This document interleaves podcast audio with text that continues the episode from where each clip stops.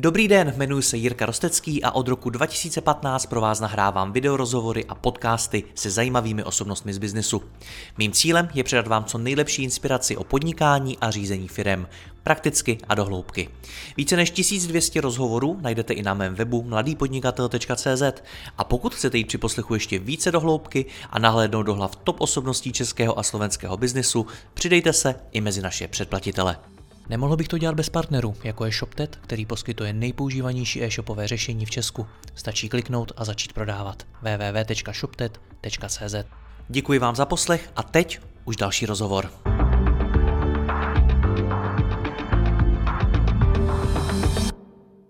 Častý problém mnoha vývojářských týmů. Firma roste a s ní i tým vývojářů. A tak se nabízí začít budovat strukturu a z některých vývojářů možná udělat vedoucí týmu a další manažery. Jenomže právě to může být docela oříšek a ne vždy se to povede. Můj dnešní host Marian Kamenišťák pomáhá českým softwarovým firmám růst, hledat a případně vychovávat takzvané engineering manažery. To mohou být CTOs, IT ředitelé, šéfové produktových týmů a další lidé zejména z oblasti technologií. Má v tom zkušenosti z řady zahraničních firm a sám v rámci mentoringu či konzultací pomohl více jak 20 firmám, jako je například Kivicom, Rohlík.cz, Factoroid, Calendly, Apify, Dr. Max a další. A společně si budeme povídat o tom, jak teda vývojáře povyšovat nebo nepovyšovat. Mariáne, vítám tě zpátky, ahoj. Jirko, ahoj, čaute všichni. Tak kdy začínají firmy ten problém poprvé řešit? Um, typicky jsme v kontextu toho, že uh, máme firmu, která je, dejme tomu, menší, něco jako startup, uh, která typicky ta firma už má svoje jméno a má první klienty. A to je právě ten, uh, ta situace, kdy typicky chce samotná firma ještě víc investovat do samotného růstu. Nemusí to nutně znamenat růst firmy, firmního produktu, Každopádně ta firma chce škálovat, to znamená, že chceme přidat dovnitř do firmy více lidí, tak abychom dokázali ten náš produkt nebo tu naši vizi líp prodávat a líp škálovat.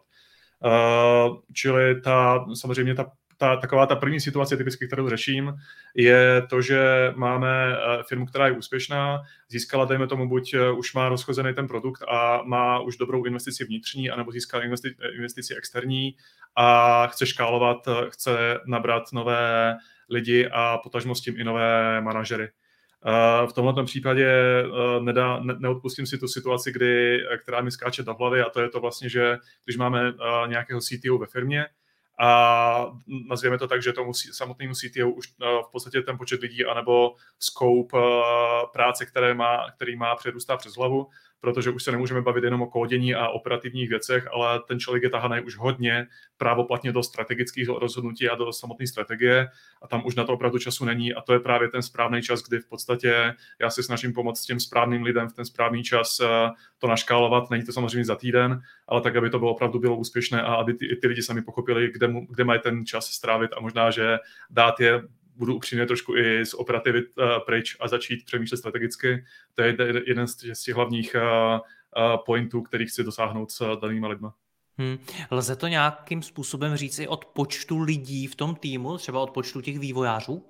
Uh, já mám v sobě takové jako magické, magickou hranici nějaký, nějakých 12 až do, podle mě do, do nějakých 20 lidí, samozřejmě záleží na individuálním člověku kde vlastně už bych opravdu nechtěl, aby toho bylo víc. Já sám mám takový, tak, takovou hranici nastavenou na úrovni kolem 8 lidí na jeden tým, a nerad bych byl, kdybychom, kdybych tím pádem jako CTO měl pod sebou víc než, jdeme tomu, tři týmy v průměru, protože tam už na opravdu ta uh, komunikativní náročnost, a operativní náročnost narůstá exponenciálně a najednou se dostaneme do toho stavu, kde už tu, na tu strategii opravdu čas nemáme a jsme jenom zaneprázdněni místo toho, abychom přemýšleli nad těma správnýma věcmi. Pochopil jsem z toho správně, že jeden manažer by měl vést maximálně 8 lidí? Uh, je, to, je to jako moje odzkoušené číslo. Uh, já mám popravdě rád uh, takové, že menší týmy, protože ty týmy potom mají uh, svou, svůj účel, svůj purpose, svůj fokus na ty správné věci a uh, ten člověk si to dokáže a ten tým si to dokáže udržet. Pokud je těch, těch lidí už víc, uh, tady mluvíme samozřejmě v kontextu uh, vývojových týmů, tak typicky to nedělá dobrotu a snažím se to už potom rozdělovat. Hmm. Co se děje špatného, když těch lidí je víc? Uh, pokud máme v samotném týmu více lidí, tak uh, samozřejmě nám narůstá typická operativa nejenom na úrovni meetingu, narůstá nám komplexita uh, i v podstatě v rámci komunikace. A samozřejmě je taková dobrá poučka, kterou jsem slyšel, je, že když děláme dobře management, tak jeden člověk nám zabere 10 až 15% času. Takže pokud eh, jako už to přesahuje přes nějaký, nějakou únosnou hranici, tak jinak řečeno, my se těm lidem nevěnujeme dostatečně dobře a ono se nám to vrátí potom jinak eh, ze zadu tím, že prostě buď ty lidi nejsou spokojení nebo nás zapouští nebo něco podobného, což je obrovská škoda, pokud eh, bychom začali přicházet do nějaký potenciál. Hmm. V jakých firmách už si tohle to například řešil, že tam bylo právě potřeba začít to škálovat, začít budovat nějakou manažerskou strukturu? V rámci toho? Uh, v jakých firmách? Těch firm už samozřejmě bylo, bylo, bylo vícero a vlastně je to takový ten můj zlatý níž, kdy, kdy já se opravdu snažím a myslím, že s hodně rozumnými výsledkama pomoct těm jednak firmám a i těm lídrům ve firmách, aby opravdu to škálování proběhlo úspěšně. Otočím to z druhé strany. Jsou i firmy, které to škálování nepřežily dostali krásnou investici, krásnou injekci finanční, řeklo se, tak pojďme narůst krát dva, ale tím, že narůsteme krát dva, neznamená, že jsme efektivnější, možná, že ta komunikace nás právě že ještě víc zabije. Takže mm. na to hmm. si musíme dávat pozor. A co to znamená, vlastně že to nepřežili?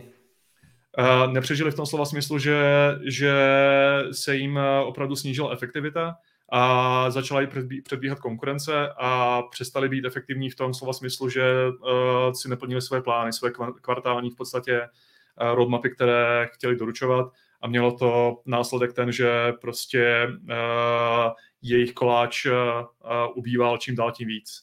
Mm-hmm. Takže je to všechno o efektivitě. Je to o tom, jak uh, spojíme škálování s efektivitou, protože to jsou typicky, lidi si to představují jako dva protichůdné směry protože na jednu stranu chceme být efektivní, na druhé straně do té mašiny přidáváme ještě víc eh, lidí a nechci říct, že chaosu v tom dobrém slova smyslu. Nicméně podle mě existují možnosti a metody, jak tohleto docílit, abychom byli jednak úspěšní a jednak, eh, v to, jednak úspěšní v, to, v ten samotné delivery a roadmapy a samozřejmě úspěšní i v tom, jak ta firma samotná roste.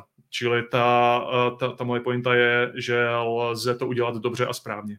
Hmm. A proč se to tedy některým firmám povede a jiný to zabije? Co, co, co mezi nimi vytváří ten rozdíl? Um, ta jedna z věcí, která mě napadá, je zkušenost. Já sám vlastně, když jsem procházel těma firmama, to prostě Innovatrix, Muse, Monitora, Apify, Košík.cz, kde jsem pomáhal podobně a podobně, tak uh, uh, je to o tom, že jestli ten lídr v dané firmě už si takovouhle situací prošel, jestli ví, na co se má dávat pozor, co střežit, jestli má dobrou produktovou strategii a strategii na to, jak, jaký typy lidí, jaké typ, typy týmů chce a versus jak moc to má být a nazvu to dynamické až na úrovni chaosu. No, prostě pokud kvůli určitým věcem se pořád každý kvartál běžíme zleva doprava, tak to nedělá dobrotu, takže ta strategie je něco, co máme mít pořád v hlavě, aby jsme se udrželi ten fokus na věcech, na kterých záleží. To je ta mhm. typická věc, na kterou se, kterou vídám, že nedokážeme, nedokážeme v podstatě ustříhnout, pokud, dejme tomu, pořád přidáváme nové týmy do firmy. A by byl hodně konkrétní, například v Muse jsme měli tu situaci, že jsme z deseti týmů narostli za, myslím, do dvou, do dvou let jsme narostli na 30 vývojových týmů. A tam je opravdu umění udržet to tak, abych já byl jako VP Engineering zodpovědný za to, že donesu drtivou většinu roadmapy, a přičemž zároveň mi rostou ty týmy a ty týmy rostou dobře. A tam jsem měl konkrétní tu situaci, že jsem vytvářel jeden nový tým o 8 až 10 lidí měsíčně takže to jsme si museli extrémně pohlídat na to, jaký lidi jdou dovnitř, jak se o ně staráme, tak aby, byly, aby ta jejich hodnota se ukázala hnedka v rámci prvních měsíců a, a druhá věc, že aby se nám samozřejmě ta struktura nerozbila, protože pokud bychom stadili na, na to, že nesprávné karty, tak to nekončí dobře. Hmm, teď si řekl, že bylo nejdůležitější pohlídat, jaký lidi jdou do firmy. To znamená, hmm. že jste tam na nějaké povyšování těch stávajících lidí, z těch stávajících třeba vývojářů na manažery příliš nesázeli? Uh, já mám rád popravdě kombinaci, uh, to znamená mít uh, uh, pořád pipeline lidí zevnitř, uh, to, uh, lidí, kteří, kteří rostou, uh, buď v rámci své pozice, nebo opravdu jdou z pozice uh, nějakého vývojáře anebo produktového manažera na, na pozici opravdového uh, team leada nebo manažera. Uh, to, je ten, to je ten interní uh, směr a samozřejmě je to doplňováno externím směrem, to znamená najít si ty lidi uh, eventuálně zvenčí. Uh, je to uh, velmi jednoduchý poměr jako 50 na 50 ten důvod, proč máme rád tuhle kombinaci, je to, že my chceme opravdu ukazovat lidem, že, že o ty správné lidi, kteří mají ten potenciál, se umíme postarat uvnitř a zároveň lidi zvenčí nám přináší nové nápady a není, ty lidi nejsou t, takový, anglické slovo biased, že v tom, že, že už známe deset let tu firmu, jak to funguje a tím pádem nepřicházíme s novými nápady. Jo, čili tahle ta kombinace se mi vždycky hodně, hodně ověřila. Hmm. Jde mi o to, jak se mám rozhodnout mezi tím, jestli budu povyšovat, anebo jestli budu hledat nějakého jiného už eh, zkušenějšího manažera zvenčí. Chápu.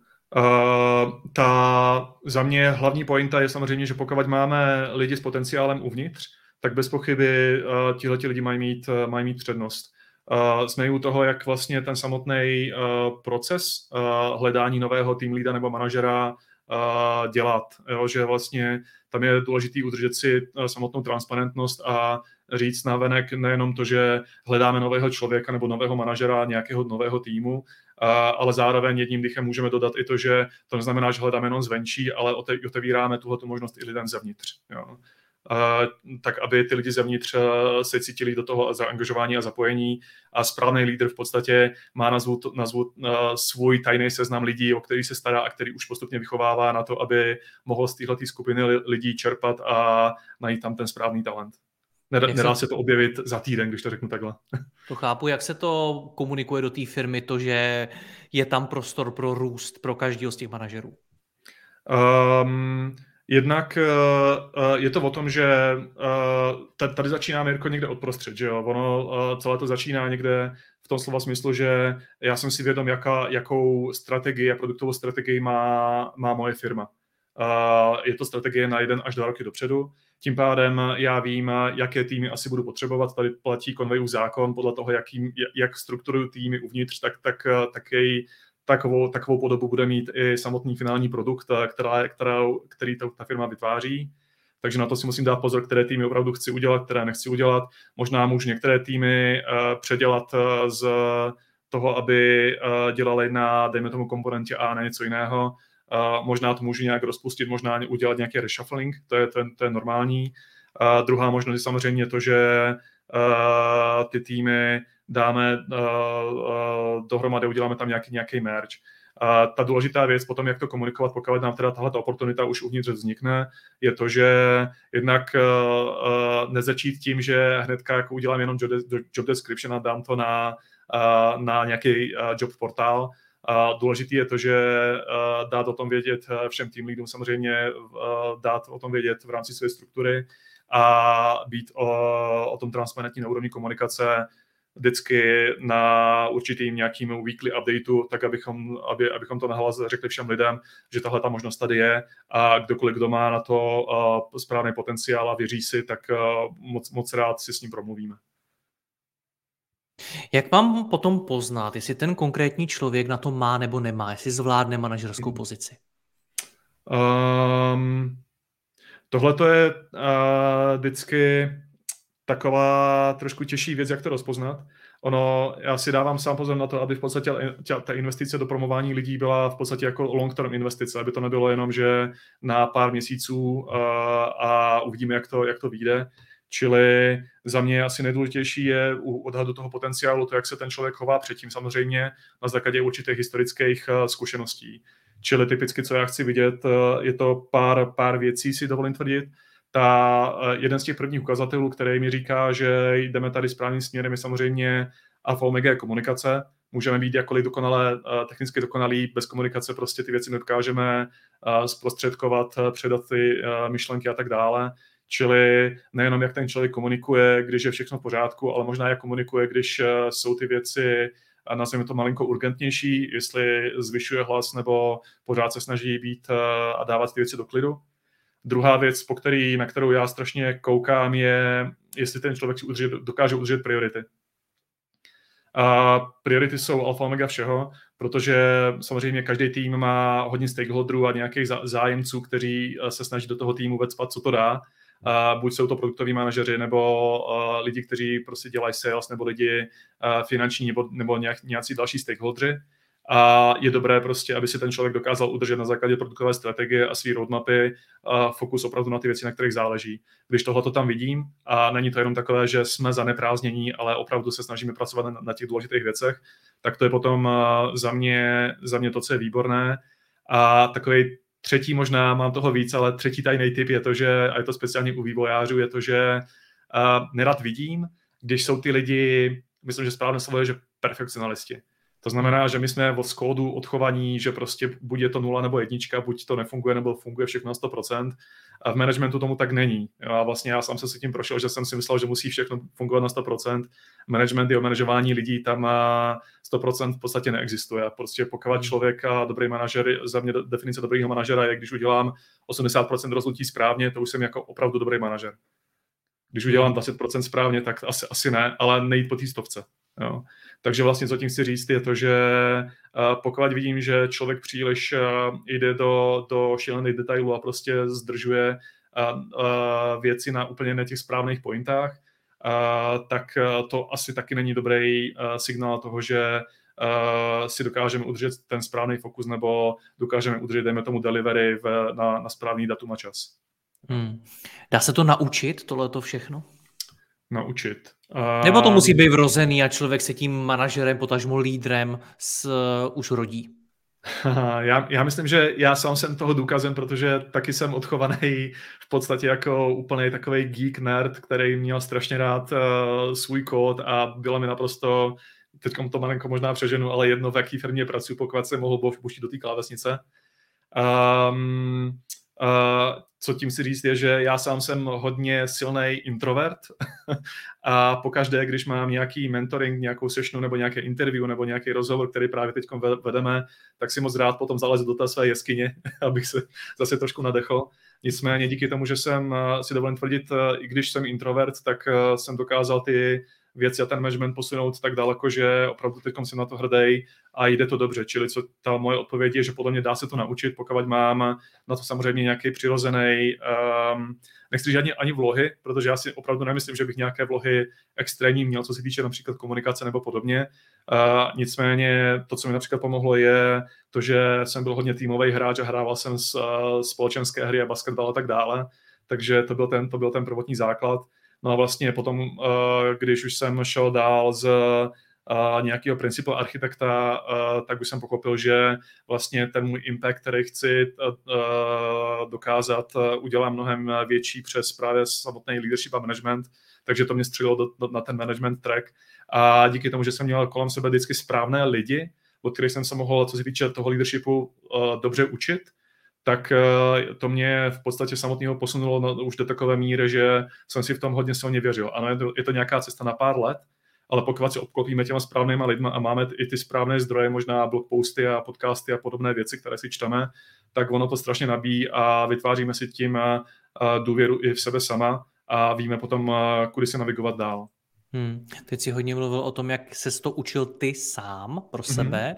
Zajímá mě ale, jestli to můžu naučit i někoho jiného. Jde mi o takovou tu situaci, kdy mám třeba v týmu skvělého vývojáře ano. a moc by se mi líbilo, kdyby on ten tým vedl.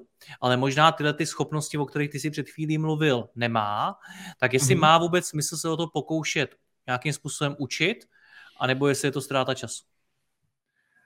Um, tady mě napadá více do věcí, jo, že uh, je to opravdu správná pointa, o který právě mluvíme, čili máme tu situaci, že máme hodně dobrého technického člověka nebo vývojáře, jak ty říkáš, a uh, tím, že je, dejme tomu, nejlepší z toho týmu, jestli ho teda povýšit na roli uh, tým lída nebo manažera toho týmu samotného. Jo, že ono v tom technickém světě je taková Uh, taková uh, zvláštní poučka, to je to, že po, povýšit toho nejlepšího technického člověka na manažera je to nejhorší, co můžete udělat.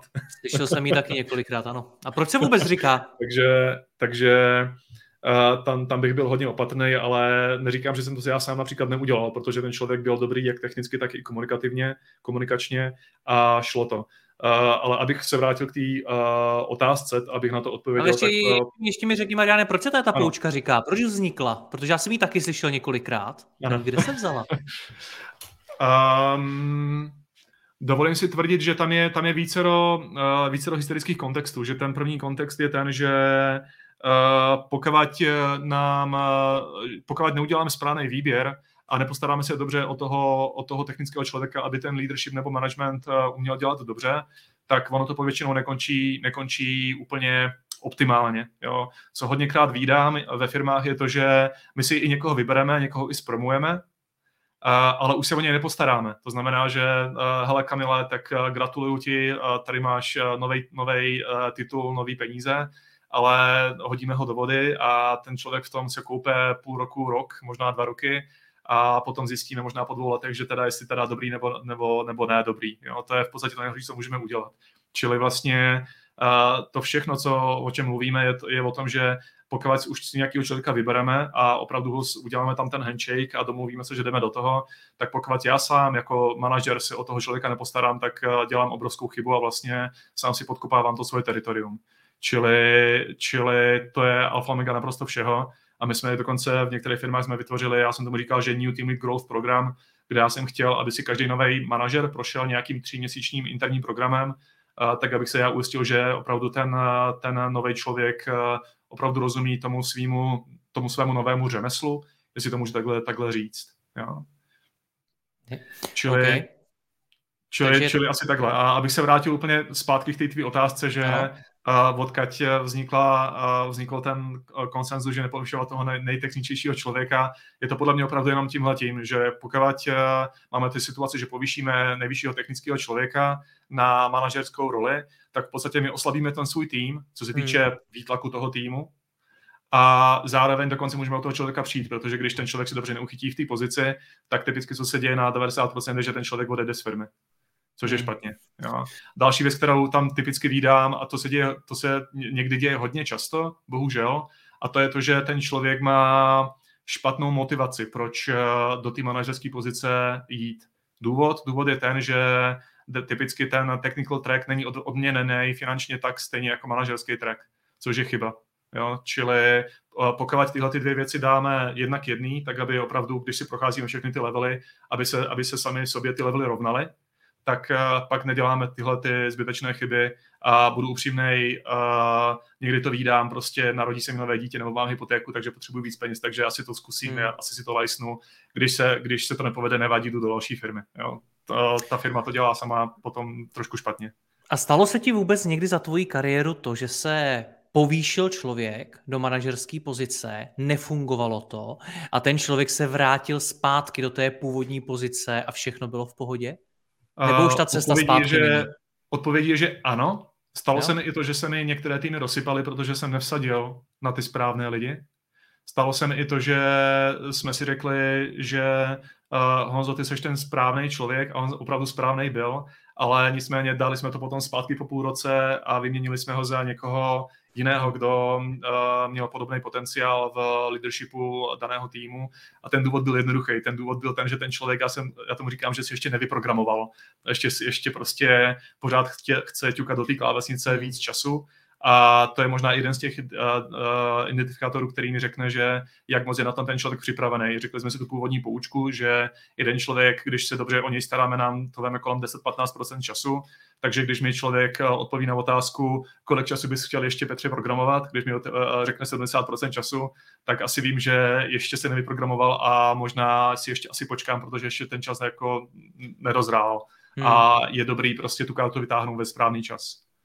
OK, zpátky k té mojí prapůvodní otázce. Ptal jsem se na to, mám v týmu člověka, který je tedy technicky hmm. velice dobrý, velice zkušený, funguje to skvěle ano. a mě by se možná líbil jako manažer a teď vlastně mě zajímá, jestli ho to dokážu naučit, pokud ty manažerské schopnosti nemá, anebo jestli učit ho to je ztráta času a je lepší najít někoho, kdo už to umí.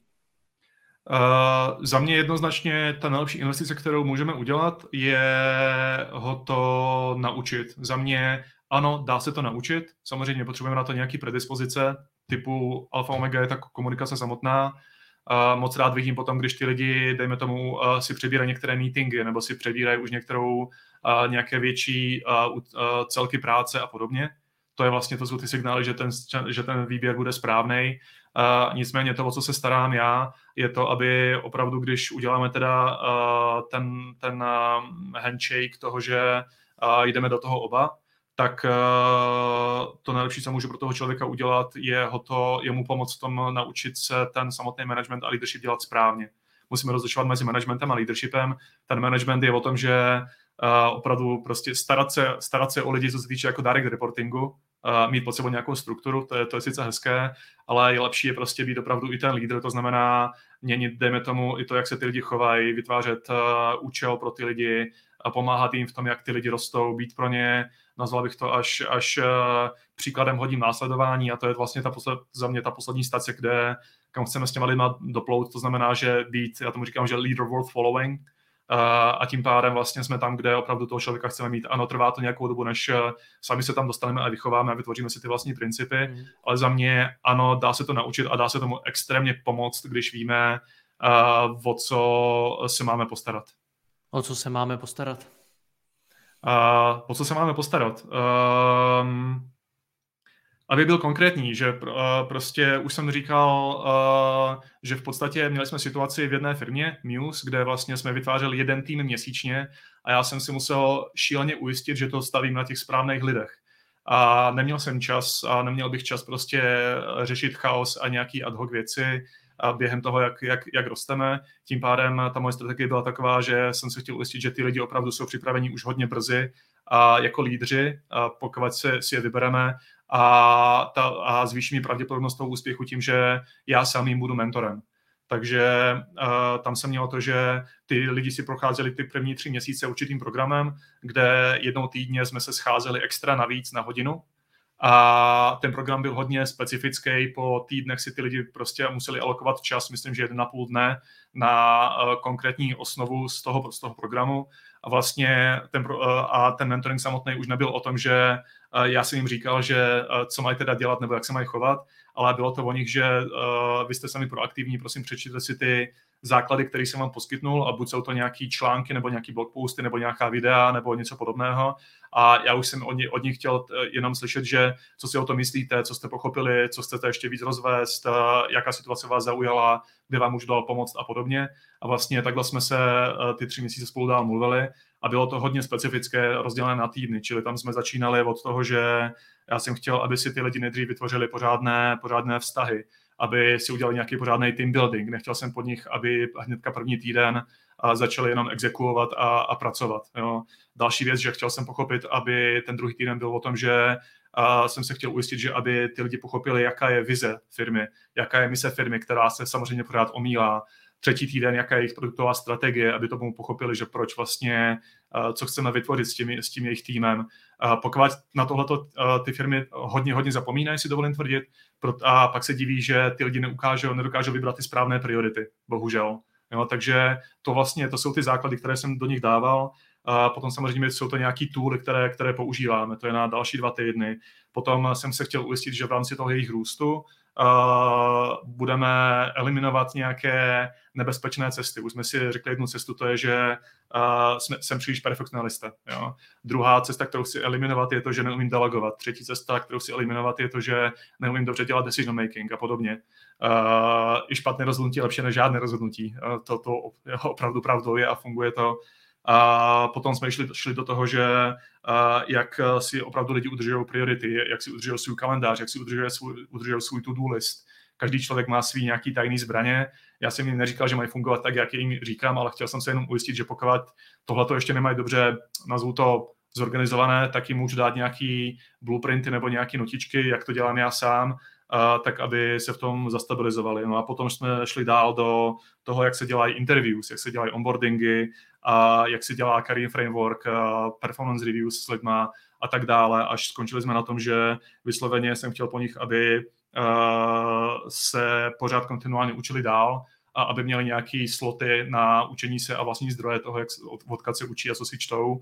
A vlastně a končí to tím, že vlastně jim dám nějaké knížky a nějaké zdroje, a, tak aby vlastně, aby to nebylo jenom tak, že tři měsíce a, a konec a už jsi dokonalý, to tak není. a já sám se učím prostě jeden den týdně A to vlastně tohoto byl celý ten program, který jsme měli pro každého člověka a šlo to hodně dobře a to mě vlastně ujistilo i v tom, že, uh, že jednak já jsem mohl uh, si monitorovat, jak ten člověk, jestli jde teda správnou cestou a jestli ta pravděpodobnost toho, že ten tým bude stabilní, je vysoká nebo nikoliv. A druhá věc je, že věděl jsem, že tímhle tím eliminuju potom to, že ten člověk se bude ko mně 100x20 zpátky s nějakýma minoritníma otázkama a nebudu mít potom já sám čas na tu strategii a budu dělat jenom operativu. Jo. Hmm. Tohle to všechno, co popisuješ, to se dá v, v, v ozovkách eh, udělat CTRL-C, CTRL-V do jiné firmy, dá se to všude použít úplně stejně, nebo je to pro každou firmu v něčem jiný? že dovolím si tvrdit, že tohoto se dá použít tak uh, jako Pareto na 80 je hodně, hodně podobných a stejných. Okay. Uh, důležitý je v podstatě spíš uh, ten samotný program, ano, je to copy-paste, ale to je třetina úspěchu. Dvě třetiny úspěchu je vytvořit ekosystém kolem toho programu, to znamená, abych to nebyl jenom já, možná, aby to byli i ti další direktoři a lidi, kteří vlastně do toho zapojit, aby opravdu měli na to alokovaný ten čas, aby celý ten ekosystém nám, nám fungoval, aby nám fungovalo dokonce i ta samotná hiring pipeline samozřejmě, pokud chceme uh, si nabírat ty lidi zvenčí, takže to, uh, to je to, co vlastně je potřeba, aby jsme tomu chápali, že co je všechno potřeba nastavit. Ono mít jenom něco někde napsané v nějaký knowledge base, v nějakém dokumentu, uh, to, to je sice hezké, jak angličani říkají, uh, to je dobrý začátek, uh, ale udělat okolo toho ten funkční ekosystém, to je v podstatě dvě třetiny práce. Hmm. Je vůbec to mm, vedení IT týmů v něčem jiný než vedení nějakých jiných týmů? Obecně si nemyslím, že tam je nějaký extrémní rozdíl. Samozřejmě záleží, samozřejmě když se koukáme na tu práci, kterou lidi dělají, tak uh, ta jedna věc, která mi naskakuje do hlavy, je, že ten jeden z rozdílů, který tam vidím, je to, že uh, ti programátoři nebo vývojáři chtějí být hodně, jsou typicky hodně systematičtí, takže oni chtějí vytvořit prostředí, které je hodně systematické, které není chaosní, uh, tak aby vlastně jsme udrželi jim ten, ten správný směr, ten jejich fokus a aby měli čas na, na to se zahloubit do té práce a opravdu odvádět excelentní výkon, čili ta systematičnost, to je, ta, to je jeden z těch podle mě prvotních diferenciátorů, který mi naskakuje do hlavy.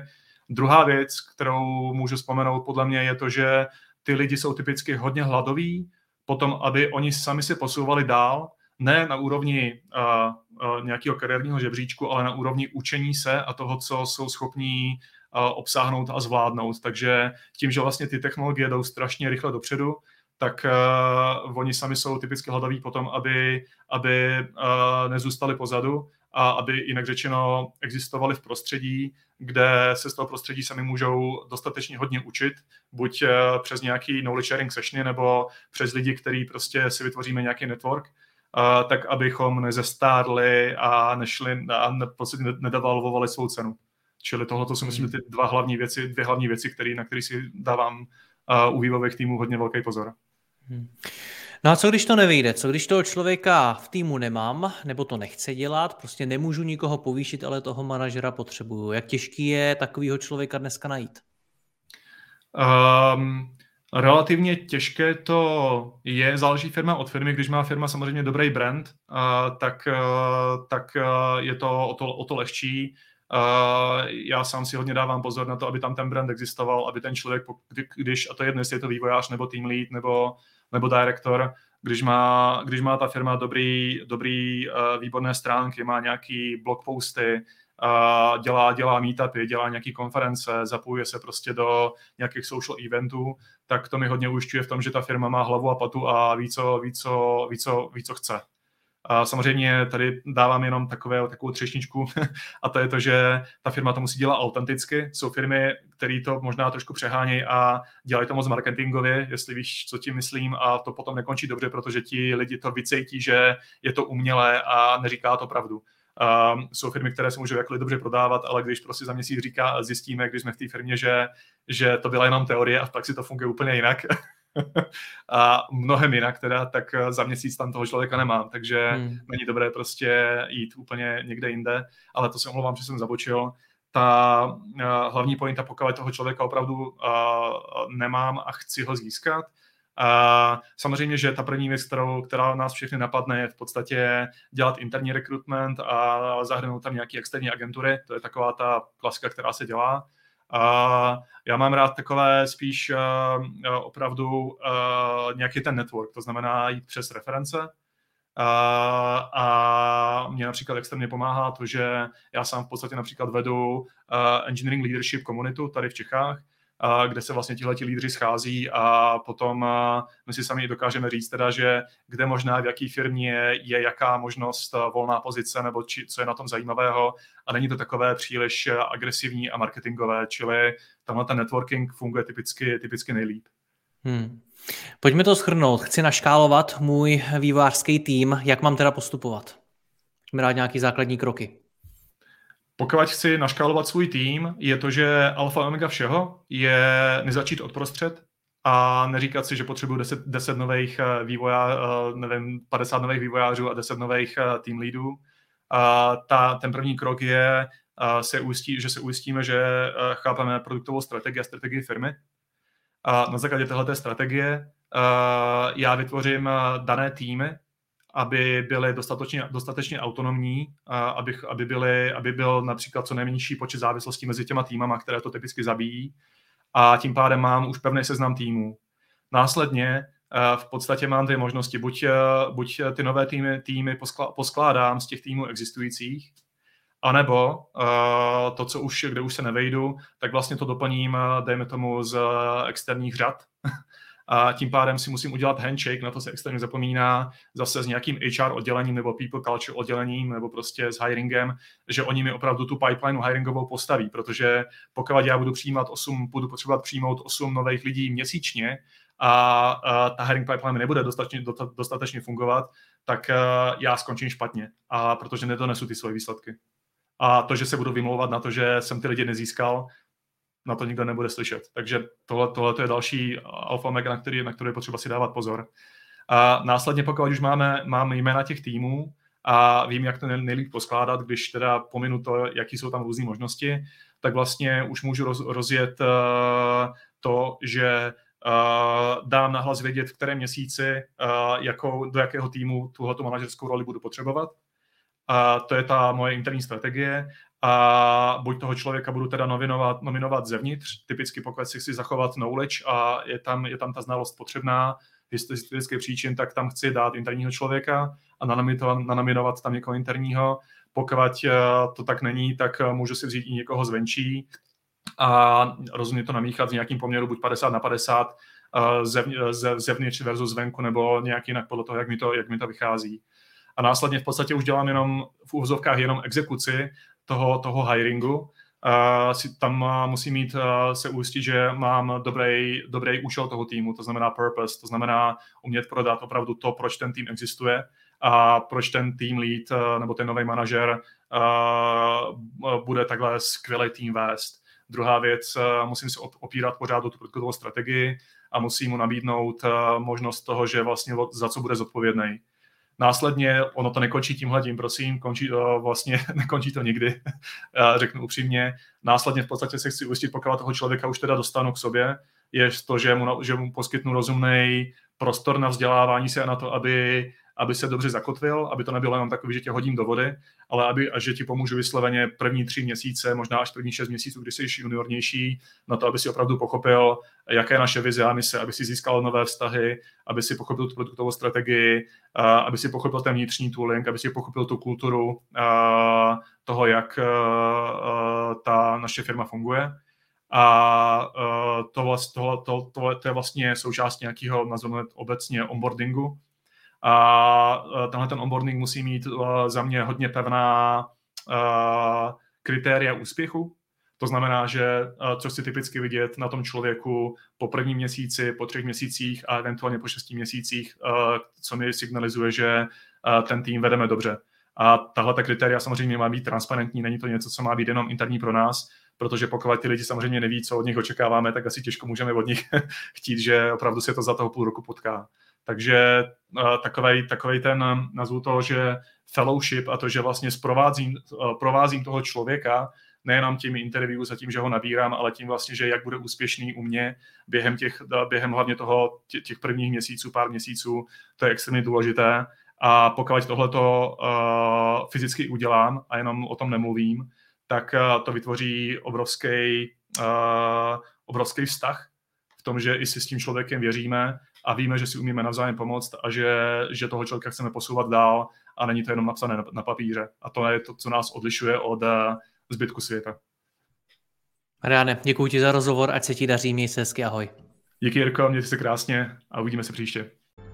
Děkuji vám za poslech tohoto rozhovoru a zvu vás i mezi naše předplatitele.